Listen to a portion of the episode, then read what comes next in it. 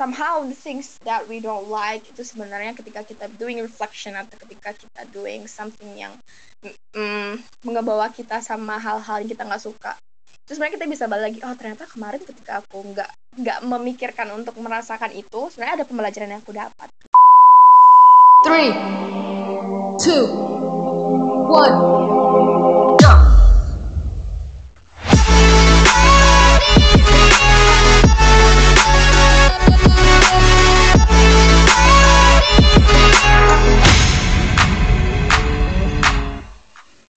balik lagi bersama aku, Kamalia, di dalam acara Rotation, Room Talk International Relation FPJI UMM, yang akan menemani kalian selama beberapa menit ke depan dalam podcast ini.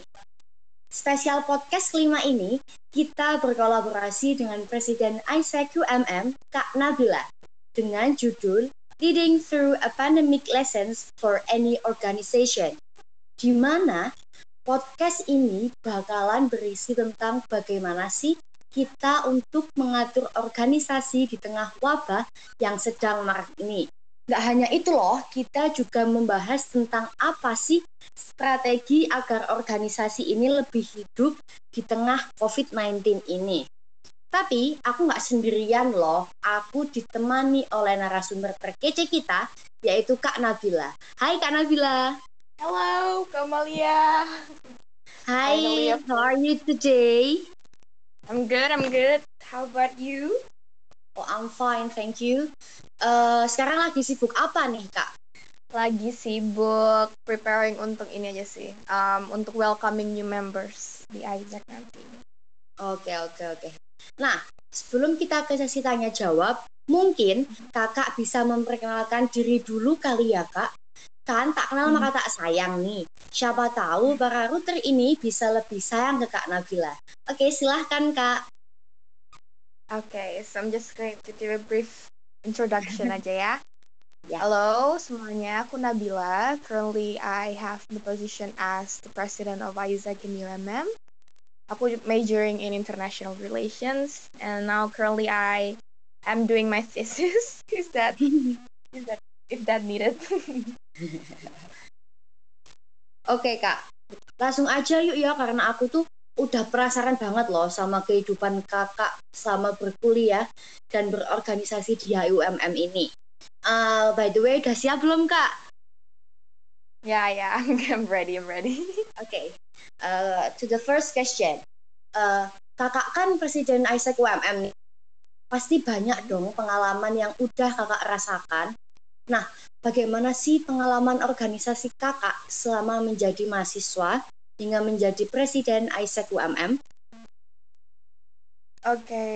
mungkin aku bakal cerita tentang experience aku di Isaac aja kali ya, karena sebelumnya aku juga sempat ikut beberapa organisasi yang lain, cuman I have I had to stop because I feel like it wasn't really productive. Jadi aku join Isaac itu ketika di tahun 2018 setelah liburan di awal tahun itu aku ngerasa kayak oke okay, liburan kenapa gini-gini aja dan akhirnya aku uh, decided untuk join local volunteer yang waktu itu disediain oleh Isaac. Jadi I had the expectation untuk menjadi local volunteer, untuk mengajar di sekolah, untuk berteman dengan bule, terus juga untuk uh, ya ikut projectnya lah ya sebagai volunteer. But turned out ternyata program yang aku ikutin adalah untuk merekrut yang namanya organizing committee atau panitianya. Jadi aku belum tahu apa-apa tentang Isaac, aku belum tahu apa-apa how the organization work, tapi aku yeah. harus jadi panitia project yang dijalankan oleh Isaac. Yang mana waktu hmm. itu ada sekitar 12 exchange participants sama 11 local volunteers. Jadi I have to maintain the project, I have to maintain the people as well sebelum aku menjadi seorang Isaacer kayak gitu. Oh. And then itu berakhir di August. Di August itu projectnya selesai. Terus waktu itu the executive board asked me whether I wanted to join Isaac or not gitu. Tapi sebenarnya waktu itu I feel like I felt really exhausted. Aku capek banget karena project selama almost five months, almost five months. Iya, iya. bahkan sebelum aku menjadi seorang Isaacer gitu aku belum Isaacer tapi udah lima bulan ngelakuin project kayak gitu. Wow. jadi aku self reflection apakah aku harus ikut Isaac atau enggak dan lain-lain gitu. Tapi after every um every time I felt like I have developed ketika aku melakukan project itu akhirnya aku memutuskan untuk lanjut untuk join Isaac waktu itu aku nggak nggak ikut LGD aku tinggal di interview aja langsung ikut di clubnya. But we called it conference langsung ikut conference dan aku di conference itu punya ekspektasi bahwa oke okay, nanti di Isaac aku bakal lanjut menjadi organizing committee president atau ketua panitia. Karena aku ngerasa kayak di project kemarin selama lima bulan aku lakuin aku udah ngerti nih project ini ngapain aja terus juga jalannya gimana apa yang harus diperbaikin kayak gitu. Jadi aku lanjut but turns out aku belum menjadi OCP waktu itu atau organizing committee president. Aku lanjut menjadi OC lalu di tahun 2019 awal February ketika aku running project sampai Maret aku jadi double role. Aku ngelakuin project baru di winter sampai Maret dari dari um, November sampai March. Proyekan ada sekitar six or seven exchange participants waktu itu terus aku juga double role menjadi project coordinator. Project coordinator di department incoming global volunteer. Entah yang datengin mahasiswa asing. Hmm. project coordinator di situ aku harus nggak hanya nge-maintain nggak hanya ngebuat project. Kalau misal organizing company itu cuman bikin project terus langsung nerima jadi aja gitu untuk untuk partisipannya untuk Asian participant atau untuk local volunteer. Tapi kalau untuk project coordinator itu lebih ke aku nge-maintain IR atau international relations-nya jadi aku yang nyari bulenya aku yang nyari local volunteer-nya juga hmm. aku yang nyari sekolahnya aku yang nyari bukan aku ya maksudnya satu timku kayak gitu satu timku yeah. kami nyari itu lebih ke maintain the whole thing yang ada di department itu itu bareng dengan empat teammates lainnya lanjut di second semester which was on August August September we have to restructure karena my team leader thought that it was too overwhelming untuk menjadi seorang project coordinator yang handle semua. Jadi aku di restructure, aku menjadi seorang quality control of the project, aku yang nge-control how the project worked, aku yang nge-control stakeholders-nya, mainly host family, terus juga local volunteers. Lanjut ketika di September, uh, September, Oktober, November itu adalah masa-masa succession atau we're looking for the successors atau we're looking for the the people for the next term. Jadi di situ ada recruitment baru. I decided to apply for the local committee vice president, of course the incoming global volunteer karena dari lahir pertama kali belum jadi Isaac aja aku udah ada di departemen itu. IGV we called it. Tapi turns out aku harus diallocate menjadi vice president of finance and governance and legality. Jadi I had no experience tentang finance, I had no experience tentang legality, but I had to face that. Jadi kalau misal mungkin di organisasi lain, FGL atau Finance Governance and Legality itu lebih ke kayak bendahara, tapi kalau di Isaac tuh more than that. Kita yang ngurusin duit, kita yang handle monthly monthly hmm. resource-nya itu seperti apa, terus juga legality-nya itu seperti apa, terus juga tentang audit organisasi yang datang dari nasional atau audit project yang ada di lokal. Kayak gitu sih mostly untuk my previous um, role di Isaac as the local comedy vice president. Selanjutnya I then decided untuk menjadi president because I feel like ya yeah, there is no one yang bisa ngelanjutin ini di timku yang kemarin kayak gitu. Jadi I have to continue it dan akhirnya sekarang I have other six people with me dengan enam departemen lainnya. Jadi untuk my Isaac journey, wow, what a long talk. Wow. So, I'm really excited with it. I think that you have a great experiences. You can yeah. talk with the bule. You can make the fathers happy in Indonesia. And uh, apa sih perasaan kakak ketika kakak uh, udah berhasil dilantik sebagai presiden Isaac gitu kak? As the president of Isaac in UMM, especially term 2021 ya, yeah. I feel it was it, it is it is it is gonna be very challenging karena I have faced the the shock ya the shock of the pandemic di tahun 2020. Jadi di tahun 2020 sebenarnya kita tuh juga bingung gimana kita bisa gerak as an organization sedangkan uh, mainly fokus kita adalah delivering leadership through exchange kayak gitu kan. Iya, iya. Dari gimana kita mengantarkan mahasiswa keluar dan mendatangkan mahasiswa ke dalam untuk doing project gitu. Jadi almost the whole year of 2020 di awal di awal quarters di first sampai second quarter kita tuh masih kayak meraba-raba what can we do as an organization, what can we deliver, deliver the Hmm. leadership kita harus ngapain kayak gitu kan.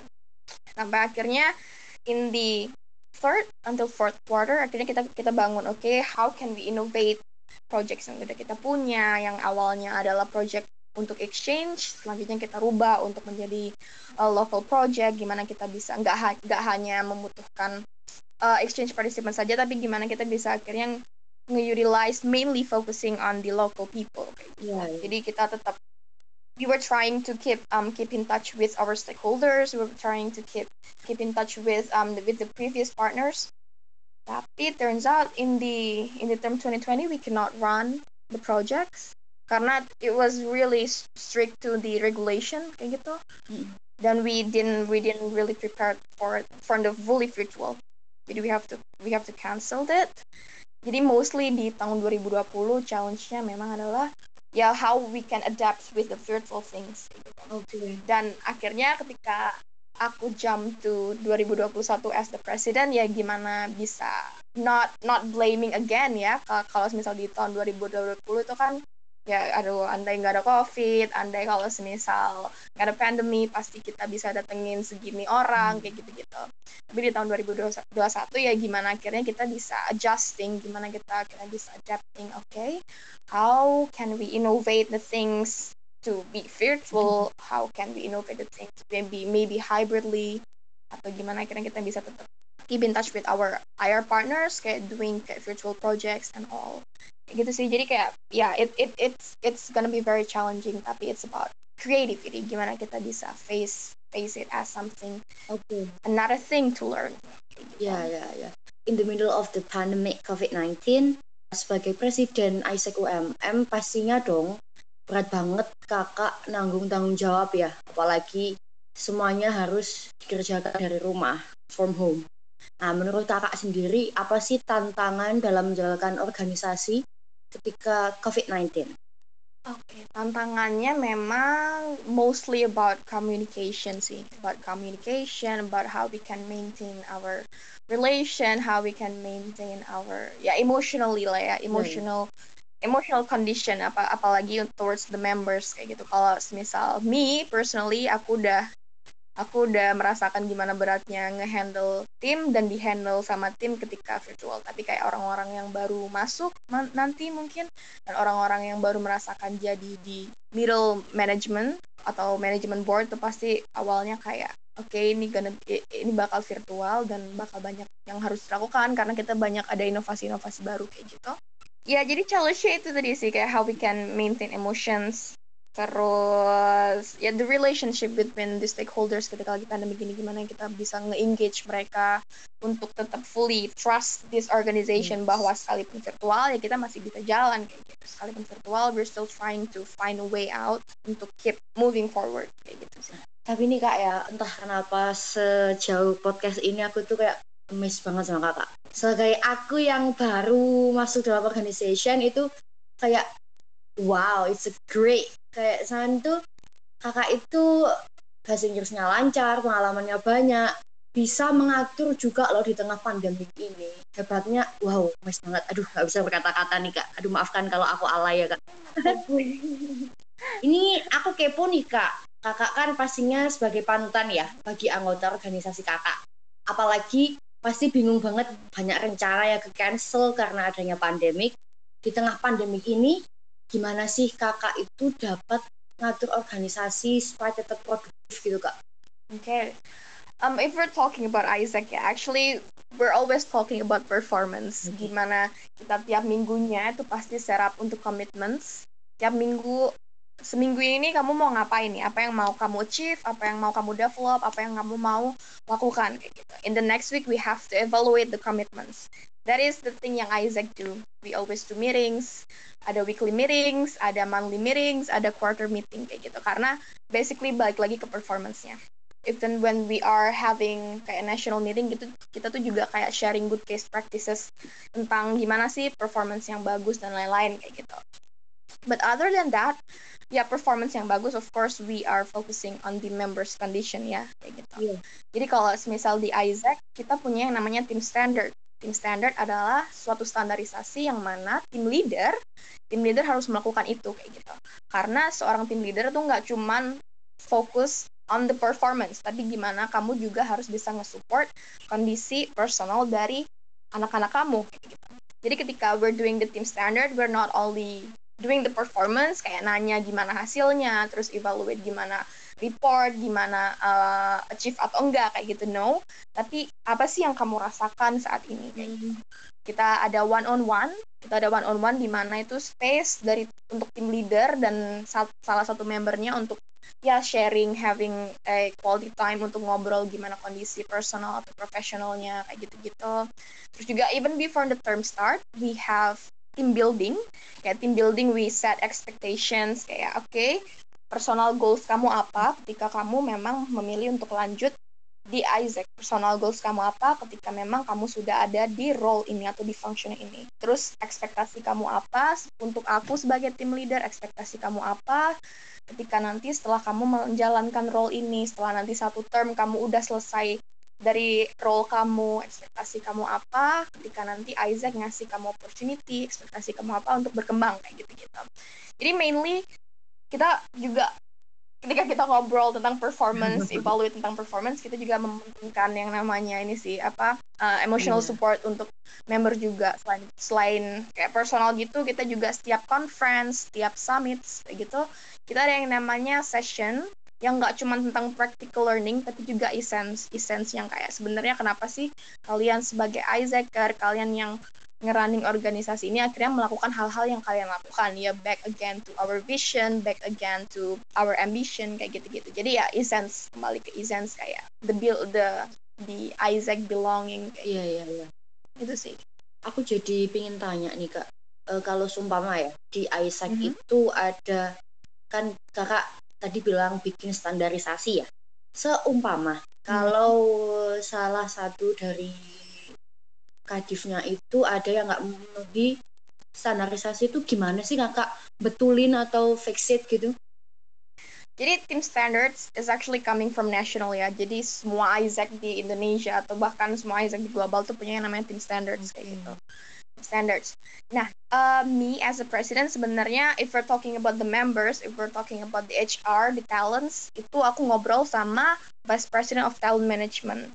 Jadi dia yang memang handle development nggak ngehandle ya nggak mostly ngehandle tapi dia yang bagian mainly nyari strategi gimana sih akhirnya biar member ini berkembang ya gitu. Gimana sih akhirnya biar tim leader ini mengimplementasikan tim standard itu. Jadi untuk tim standard tiap bulannya tiap bulannya itu harus dievaluate dan masing-masing dari tim leader itu bakal update yang namanya tracker jadi kalau misal mereka sudah melakukan tim standard itu harus ngechecklist lah ya. Gampangannya trackernya tuh di checklist dan ngelakuin one on one terus juga update yang namanya personal development plan kayak gitu-gitu. Jadi kalau misal memang tim standardnya itu tidak fulfill atau tidak achieve kayak gitu, sebenarnya back back again sih pasti timnya ada yang ada sesuatu yang entah tertinggal atau ada sesuatu yang pasti trouble kayak gitu. Because if it's coming from national if it's coming from globally sebenarnya tim standar itu benar-benar ngebantu gimana sih sebenarnya tim yang baik itu lingkungan yang baik di tim itu seperti apa sih. Jadi nggak cuma perihal performance tapi juga gimana kita make sure in the conditions the personal conditions of each hmm, members gitu.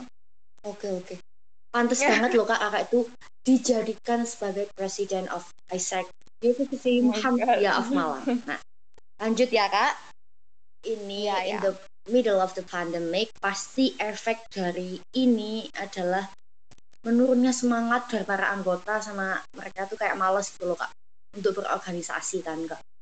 Nah yeah. apa sih yang kakak lakukan untuk menjalin ikatan emosional antar anggota organisasi di saat-saat seperti ini kak?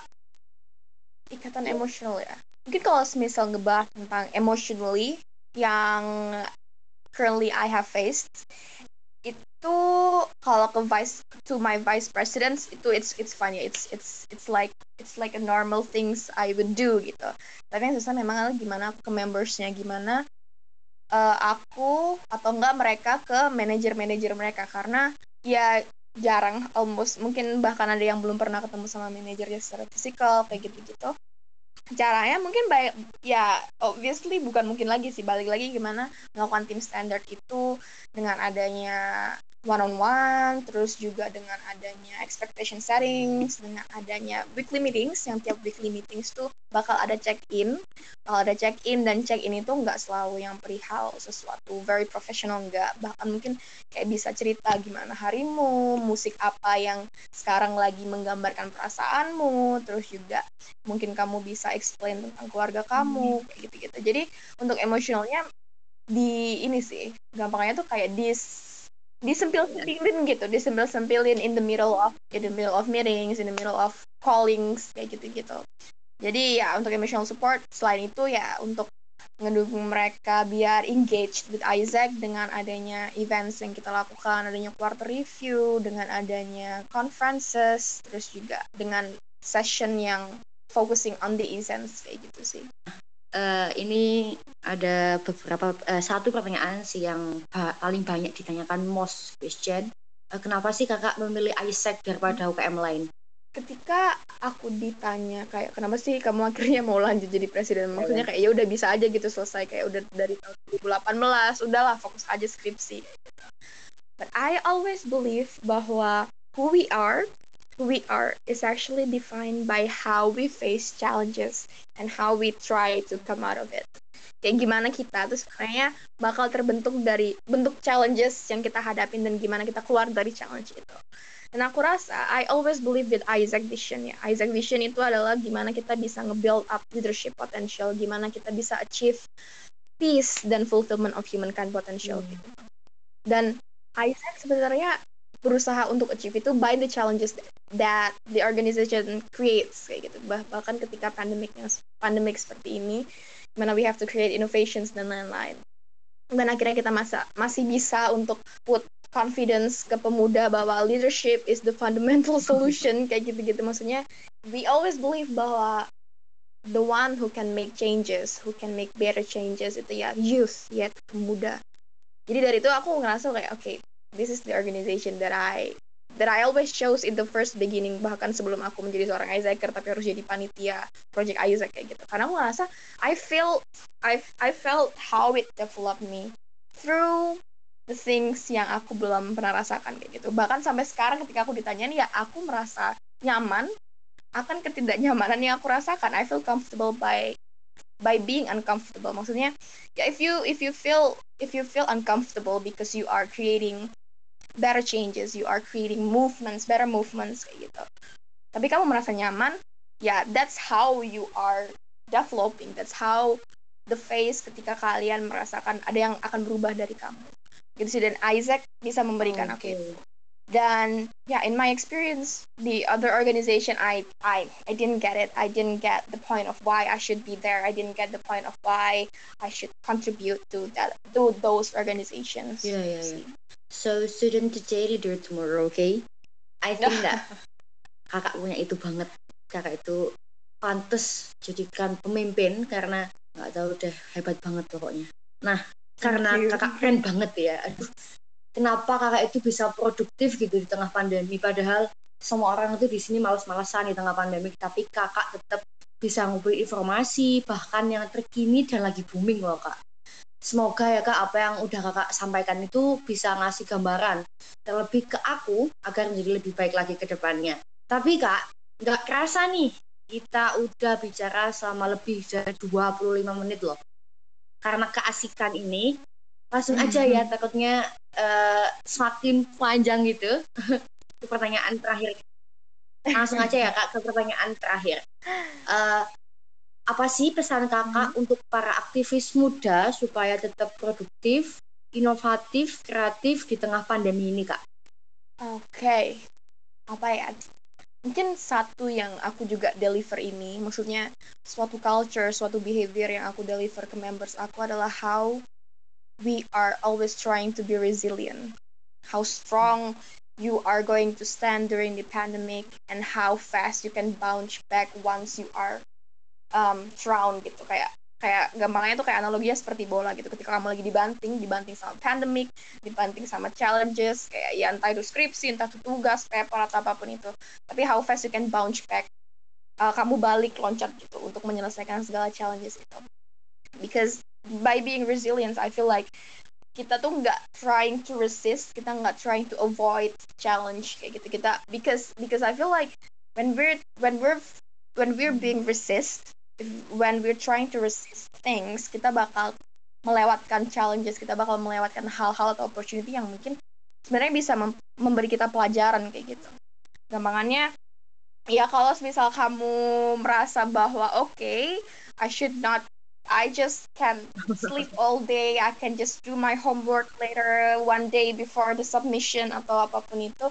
Ya silahkan kayak gitu. But I feel like there are a lot of things, apalagi di usia segini, yang perlu di trial and error kan. Gak makanya kalau oke okay, kamu baru baru di Jawa ya, pasti belum pernah ngerasakan namanya rujak cingur. Nah, gimana caranya kamu biar tahu rujak cingur ya kamu harus merasakan itu gampangnya di usia 20 tuh seperti itu ya. Kalau misal orang usia 30-an yang udah experience kayak gitu pasti bil pasti nanya apa yang kamu udah lakukan apa yang kamu kamu udah pernah nyobain rujak cingur atau belum kayak gitu-gitu. Jadi how we are going to be innovative how we keep being creative ya itu tadi just by not just ya tapi one one of the way yang selalu aku bilang ke memberku adalah gimana kita bisa being resilient dengan challenge yang ada dengan opportunity yang ada bahkan dengan uh, mungkin sesuatu hal yang kita nggak suka kayak gitu. Because I feel like somehow the things that we don't like itu sebenarnya ketika kita doing reflection atau ketika kita doing something yang mm, mengebawa kita sama hal-hal yang kita nggak suka. Terus sebenarnya kita bisa balik lagi oh ternyata kemarin ketika aku nggak nggak memikirkan untuk merasakan itu sebenarnya ada pembelajaran yang aku dapat. Gampangnya kayak ketika tadi aku cerita bahwa aku allocated yang awalnya aku lahir di Isaac itu dari Departemen Incoming Global Volunteer tapi aku harus dialokasi di VP Finance yang aku nggak punya experience sama sekali kecuali waktu itu menjadi panitia finance. Ya aku belajar sesuatu di di, di VP Finance kayak gitu. Jadi gimana kita bisa accept challenges itu untuk tetap keep moving okay. forward sih. Jadi itu intinya kita tuh nggak boleh takut ya kak. Nggak boleh takut untuk mencoba ya nggak boleh mencoba nggak boleh resist things atau kayak hmm. menghindari sesuatu yang sebenarnya bisa mengajarkan tapi kadang sesuatu. tuh kak uh, ada uh, kayak someone gitu ada seseorang gitu yang bahkan mereka pun takut untuk mencoba karena dia takut gagal nah menurut kakak itu gimana sih kak actually this question itu yang aku tanyakan ketika pertama kali aku doing one on one ke vice president oh. aku aku nanya kamu takut apa? Hal yang kamu takutkan apa? Bahkan ke diri aku juga sebelum aku apply presiden, aku tuh tanya, apa sih hal yang aku takutkan kayak gitu. Mereka cerita, mereka bilang, dan lain-lain kayak gitu. Selanjutnya aku tanya, emang setelah experience kamu sebagai vice president, kamu mau dikenal menjadi orang yang seperti apa? Kamu mau uh, berkembang bagian mana? Kamu mau ninggalin departemenmu yang seperti apa? Mereka bisa jelasin nih kayak gitu ya aku langsung aku langsung balikin. You know what you want to do. You know what you want to be after one term after your experience. Rasa takut itu normal. Kamu ma kamu udah tahu goal kamu di sini apa sisanya adalah untuk saat ini. Rasa takut yang masih belum kamu uh, temukan sekarang atau yang rasa takut itu sebenarnya terjadi di next nextnya di, di masa depan kayak gitu ya udah sisanya gimana kamu bisa decide what are the strategies untuk nge-tackle hal-hal yang ditakutin. Hal apa yang bisa dilakukan biar akhirnya rasa takut itu hilang, biar akhirnya result yang kamu pengenin atau result yang kamu nggak pengenin atau rasa takut itu nggak terjadi. Kayak gitu sih. Jadi kayak we it, it's it's it's really normal untuk being afraid to try something. Tapi if you if you don't start, if you just don't start, ya gimana kamu bisa tahu bahwa rasa takut itu memang ada gitu. Maksudnya rasa takut itu bisa hilang kayak gitu. Itu sih kayak just start you know what you're afraid of you know what the goal is. Jadi next thing yang yang you have to do itu gimana cari the way out okay. so don't be afraid before you trying something. Yeah. Yes oke okay deh kak Nabila I think that it's mm -hmm. enough for us jadi Terima kasih Kak sudah menyempatkan waktunya untuk hadir dalam podcast FPJ UMM ini. Semoga Kak Nabila sehat.